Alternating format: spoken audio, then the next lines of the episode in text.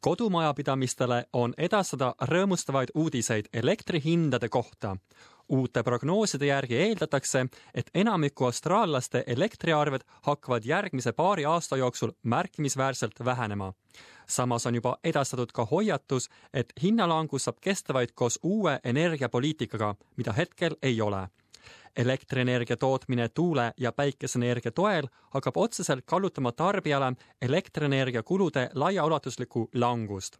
Matthew Warreni Austraalia Energianõukogust, mis esindab suuri elektriettevõtjaid, tervitab seda muutust siiski ettevaatlikult It may be that we're seeing the peak of electricity prices, and that will really depend now on our ability to land um, workable climate and energy policy to lock these lower prices into the future.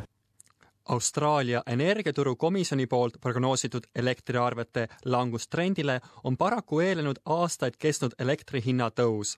elektri hinna kasvu põhjuseks peetakse Hazelwoodi ja Põhja söeküttel töötavate elektrijaamade sulgemist Victoria ja Lõuna-Austraalia osariigis ning samuti maagaasi kõrget hinda riigisiseselt on elektrienergia hinnad tõusnud keskmiselt ligi üksteist protsenti kuni kahe aasta jooksul alates kahe tuhande kaheksateistkümnenda aasta keskpaigast prognoositakse elektrienergia hinna langust kaksteist protsenti. osariikide põhiselt peaksid hinnad hakkama langema kõikides osariikides, kuid protsendid on erinevad Victoria osariigile oodatakse suurimat leevendust. hinnalangus prognoositakse koguni kuusteist koma neli protsenti. Victoriale järgneb New South Wales, mis samuti ootab suurt elektrihindade langust.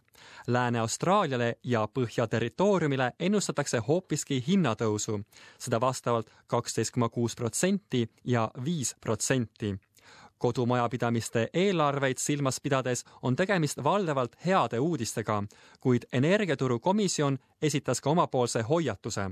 kui uusi valitsusepoolseid poliitikaid ei looda ning uuele põlvkonnale vastavat elektritootmist ja ladustamisvõimalusi ei rajata, jätkub elektrihindade kasvutrend. see on hoiatus, mida toetab energiaekspert David Leach Uh, despite all the new renewable generation, a lot of that's coming in Queensland and South Australia, when it's really probably needed more in New South Wales and Victoria right now. And uh, those states are relying on a few very old coal generators, and if one of them breaks down, power, power prices won't be going down.